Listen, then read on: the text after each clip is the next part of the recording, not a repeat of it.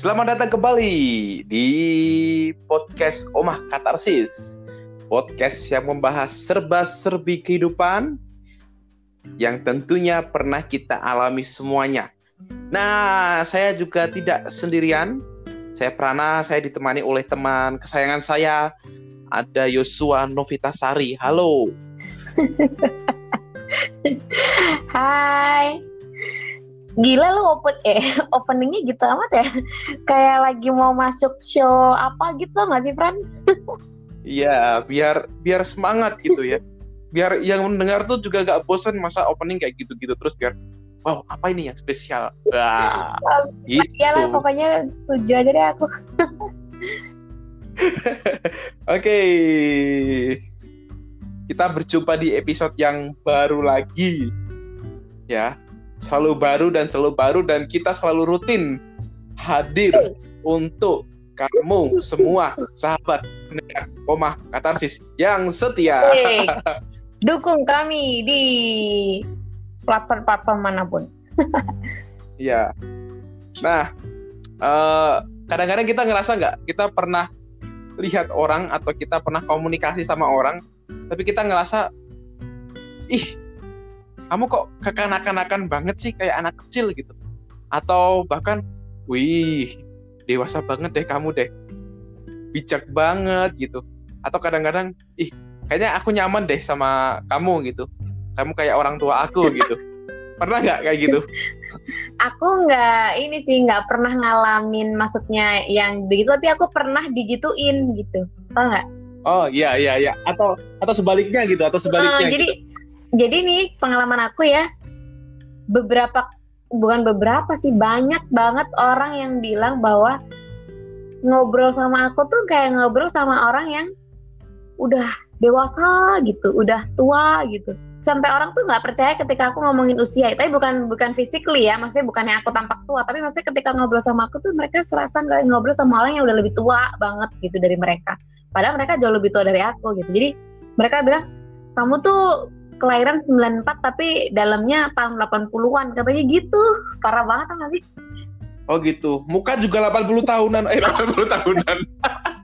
Parah. Orang muka masih kinclong gini juga. Iya kinclong karena dikasih kit body kit. Bukan rahasia. Oke oke oke. Kembali ke topik, kembali ke topik. Gimana tuh tadi? Gimana gimana? Lanjut lanjut. Iya gitu. Jadi ah, kalau aku lebih ke ngalamin itu sih orang menilai aku tuh bahwa itu dalemanku tuh lebih tua gitu daripada casingku gitu. Apa dalemannya? iya, maksudnya cara pemik pemikirannya, cara berkomunikasi, cara mengambil keputusan, cara bersikap gitu. Orang lebih melihat sisi dewasa dan sisi tuanya ya dari dari aku ya. Tapi kalau sahabat-sahabat terdekatku mungkin juga salah satunya kamu, pasti kamu akan mengenal juga sisi-sisi kekanakan aku, manjanya aku gitu kan. Ya, ya, itu pasti ya. Ya, sering sih, sering, sering, sering. Sering banget gitu. tapi tapi aku juga sama sih gitu ya.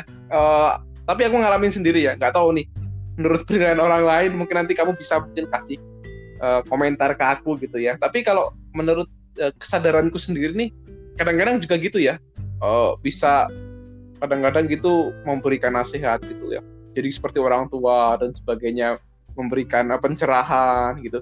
Tapi ada di saat-saat tertentu cuek gitu kayak orang dewasa sok cool gitu ya bisa atau kadang-kadang minta diperhatikan dan sebagainya seperti anak-anak banget gitu gimana nih menurutmu? Well ya benar tapi gini kan memang orang itu beda-beda ya ada orang yang ih orang usianya udah segitu masih childish banget gitu. Nah ternyata ternyata nih teman-teman pendengar itu tuh memang ada di secara psikologis setiap orang itu punya gitu ya hmm. apa sih namanya ego state ya ego state yang orang dia dominan ego ya, child, ego. ego apa gitu. Nah, Prana mungkin bisa lebih jelas ini secara teoritisnya. Kalau aku kan lebih praktis ya orangnya bukan teoritis asik.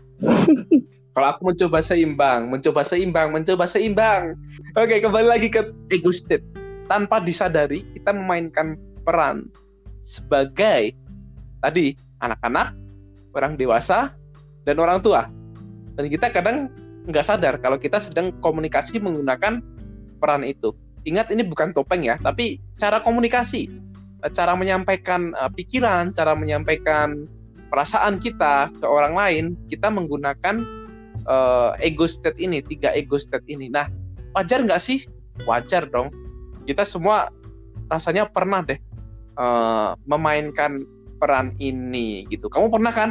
Kenapa kita perlu menggunakan ego state ini sebenarnya supaya tujuan komunikasi kita itu tercapai. Ada masanya kita menjadi orang tua, peran peran kita menjadi orang tua, ada kita masanya dalam ego dewasa, ada juga ketika kita menggunakan uh, anak-anak gitu ya. Dan itu diganti uh, dipergunakan secara ganti-gantian gitu.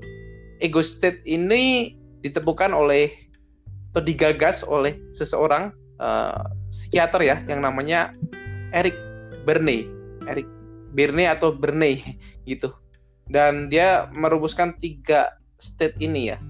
Jadi ketika kamu misalnya dalam kondisi anak-anak nih, ego anak-anak, mainkan peran dinasihati, kamu menanyakan sesuatu, kamu kamu minta dimanjain, itu ego anak-anak Lalu yang kedua nih tentang ego dewasa ya, kamu bersikap seolah-olah kamu kritis, eh, rasional, tenang. Nah itu seperti ciri-ciri orang yang dewasa pada umumnya gitu ya. Lalu ketika kamu memerankan ego orang tua, di situ mulai nih memberikan petua, memberikan nasihat, arahan, suatu batasan-batasan tertentu, norma-norma tertentu. Nah, itu kamu uh, berperan sebagai hmm, Oke, oke, oke, oke. Jadi gitu. memang ada tiga. Jadi pada dasarnya sebenarnya ketiga hal itu ada dalam setiap diri manusia kan ya. Cuma memang um, ada, ada, ada salah satu yang hmm. dominan begitu ya. Uh, untuk Mungkin yang dominan maksudnya ya, memang lebih ada. sering dia pakai ada gitu yang ya. dominan tertentu. Hmm, lebih sering dia pakai yang pertama dan yang kedua juga berkaitan dengan seberapa tuakah dia gitu dia di anak-anak atau sudah uh, memasuki misalnya masa-masa dewasa okay. atau sudah um, menjadi orang tua usia gitu usia berpengaruh. berpengaruh tapi mungkin gitu. bukan satu-satunya ya karena mungkin ada juga kan orang-orang dengan usia tertentu tapi dia masih ego child banget masih jadi memang dipengaruhi juga betul, faktor lingkungannya betul, betul, pola asuhnya juga ya kan satu-satu ya maksudnya biar ya biar lebih bisa dicerna manusia lah ini kan kayaknya sesuatu yang mungkin nggak awam juga gitu kan ego child itu mungkin contohnya adalah ketika ya kamu bersikap kekanak-kanakan contohnya nih ada saatnya ketika kalau kamu nem, uh, kalian menemukan orang yang kalau ngomong itu hmm gitu misalnya digini ya dong please bantuin atau maksudnya memang dia lebih sering ya manja terus maunya di di apa ya dilayani gitu-gitu nah itu adalah orang-orang yang ego childnya dominan gitu orang-orang yang ego adultnya dewasa adalah orang-orang yang cenderung mungkin lebih um, cuek, kalem dan maksudnya lebih tenang dan lebih apa ya? Hmm. Ya lebih lebih dewasa gitu. Tapi kalau orang-orang yang dengan ego parents yang lebih dominan ya dia akan cenderung mengatur segala sesuatu gitu ya, memberi nasihat, memberikan batasan-batasan hmm. norma-norma gitu. Kayak eh kamu nggak boleh gini ya gini gini gini. Atau posesif posesif prepare everything gitu. Aku kayaknya dominan semua nih peran gimana dong? Ya ada juga nggak masalah juga. Kan itu kan nanti uh, gini ya uh, ego state itu sebenarnya tujuannya adalah supaya komunikasi kita tuh tercapai secara efektif. Nah makanya uh, Eric Berne itu sendiri menuliskan dalam bukunya judulnya itu games people play gitu ya. Jadi uh, kita komunikasi kita hidup itu sebagai sebuah permainan gitu. Di mana kita bertransaksi dengan ego masing-masing kita gitu untuk mencapai sebuah kesepakatan komunikasi ya uh, kesepakatan komunikasi itu sendiri ini dicetuskan oleh Thomas Harris namanya Thomas Harris jadi supaya kita mainkan ego state-nya itu supaya kita cope dan nantinya akan tercapai kondisi I'm okay, you okay. Ya, jadi bukan I'm okay, you not okay atau I'm not okay, you are okay atau I'm not okay, you are not okay, tapi menuju ke sama-sama oke okay, gitu. Akhirnya kan kita bisa cope saling satu hati, saling sepaham, saling memahami. Ya, gitu. Oh ya, jadi memang lebih ke uh, ego state ini adalah berpengaruh tentang bagaimana nanti seseorang berkomunikasi dengan lain, orang-orang lain. Tujuannya di mana saya memang yes. komunikasinya itu menjadi uh, I'm okay, you are okay gitu. Jadi bukannya kayak aku misalnya komunikasi dengan cara yang aku aku ngerasa baik-baik saja, ngerasa oke, okay, tapi ternyata kamu nggak oke okay, gitu. Wah itu nggak sehat jadinya ya. Atau mungkin akunya nggak oke, okay, kamunya oke, okay. itu juga nggak sehat. Jadi pokoknya harus aku oke, okay, kamu oke. Okay. Tidak peduli mungkin dengan cara apa pun ya, bukan cara apa pun. Maksudnya gini, misalnya hmm, aku berkomunikasi dengan kamu dengan ego childnya aku yang dominan gitu. Terus kamu dengan ego parents, kayaknya itu klop ya? Hmm, hmm, betul. Um, jadi itu semacam bermain betul peran juga sebenarnya ya ego ini. Jadi memang mesti di apa ya? dimodifikasi, maksudnya digunakan tepat sesuai konteks gitu. Ah, ah betul. Tapi kita sering kali nggak yeah. sadar memainkan itu gitu. Nah, itu perlu disadari. Cuma kan karena memang itu tadi peran ada orang-orang yang memang mereka um, apa namanya ya egonya ego salah satu ego aja yang paling dominan gitu dan dia tidak tahu peran yang lain. Maksudnya bahwa selama ini ya dia cuma hanya memang pakai pakainya ego child terus gitu maksudnya. Dia nggak pernah pakai ego parents ego adult karena memang di rumah tidak pernah dibiasakan itu. Tidak pernah dibiasakan dilibatkan dalam mengambil keputusan segala sesuatu disiapkan oleh orang tua. Itu kan bisa pengaruh kan? Betul betul sekali. Pengaruh sekali. Nah sebenarnya yang efektif tuh misalnya ya tadi ya apa namanya ketika uh, orang tua atau kita ketika kita bermain dengan ego orang tua nih harusnya lawan bicara kita responnya dengan anak gitu kan ya klop itu. Nah tapi kadang-kadang bisa juga karena kita nggak terima kita responnya dengan ego orang tua. Jadinya debat kan yang satu nasihatin yang satu nasihatin kembali hmm. tuh gitu. aku kayaknya dominan semua deh. Ya kamu mah dominan di semua lah udah dominan lu dominan udah. Iya soalnya maksudnya gini ya aku kadang memang ya wise tapi ada saat itu aku memang manja banget gitu dengan orang-orang tertentu kayak yang contohnya contoh contoh yang contoh, mau, contoh pokoknya aku nggak mau tahu pokoknya aku mau kamu ngajarin aku titik gitu itu kan aku lagi pakai nah. ego chat kan gitu terus ya terus misal nih kalau responnya orang tua oh ya sini aku ajarin yeah. nyambung kan? nah. kan nyambung. Nah coba misalnya responnya pakai ego dewasa nih, responnya pakai ego dewasa. Ih kamu apa sih? Kanak-kanakan banget. Ngomong yang baik dong. Nah itu ego dewasa tuh muncul. Yeah. Nggak klop kan? Jadinya nggak klop kan ya? Gitu. Apalagi direspon dengan anak-anak tuh. Ih, kamu kok manja banget sih gitu. Enggak, kalau direspon ego anak-anak mungkin gini, ih aku juga nggak mau ngajarin kamu, gimana dong?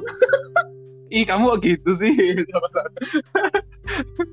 ya kita perlu sadar tuh ketika orang lain ini kira-kira pakai ego apa kita harus merespon dengan apa gitu ya. Meskipun kita punya ego dominan tapi memainkan tiga ego state itu juga penting ya antara anak-anak dewasa dan orang tua supaya tujuan komunikasi kita tercapai dan nggak terjadi kesalahpahaman ya. Kalau udah kesalahpahaman nih bahaya banget nih bisa timbul yang namanya konflik uh, dan dibutuhkan kebijaksanaan juga bahwa kesadaran bahwa oke okay, uh, komunikasinya memang I'm okay you are okay. Jadi bagaimana menemukan solusi tengah uh, memang berespon secara bijak gitu sih. Betul betul. Kita biasanya sering memainkan dewasa dengan dewasa debat gitu habis gitu ya. Jadi nggak nemu solusi apa-apa. Oke okay, gitu. Para pendengar kira-kira tentang ego state ya. Jadi kita topiknya ini emang agak sesuatu agak psikologis banget sih tapi mungkin ini teman-teman perlu belajar juga ini. Jadi mesti nggak cuma mahasiswa psikologi aja yang belajar ini, tapi memang kita juga perlu belajar ini, paham ini, memang supaya komunikasinya lebih lancar. Kalian interaksinya, kan kalian juga bisa praktekin nih teman-teman di tempat kerja kalian ketika kalian ngadepin klien, customer, bisa terapin nih ego-ego child, ego adult, ego parents ini supaya lebih smooth lagi komunikasinya. Gitu. Hmm, apalagi ini misalnya kalau ngadepin klien ya, klien yang ngeluh dan sebagainya itu pasti kan ego anak tuh.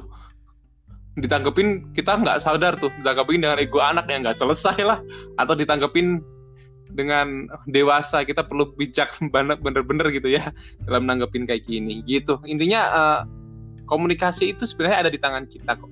Komunikasi itu bisa lancar atau enggak ada di tangan kita. Nah memang sih kita nggak perlu buru-buru untuk merespon. Tenang, berpikir dulu apa yang mau kita respon, baru kita katakan. Nah, di situ nanti tercapai apa yang dikatakan oleh Thomas Harris tadi yaitu tentang I'm okay and you are okay. Selamat menjadi pribadi yang oke okay dan oke okay di dalam berkomunikasi. Sampai jumpa di episode selanjutnya. Jangan lupa juga untuk follow Instagram kami di @omahkatarsis.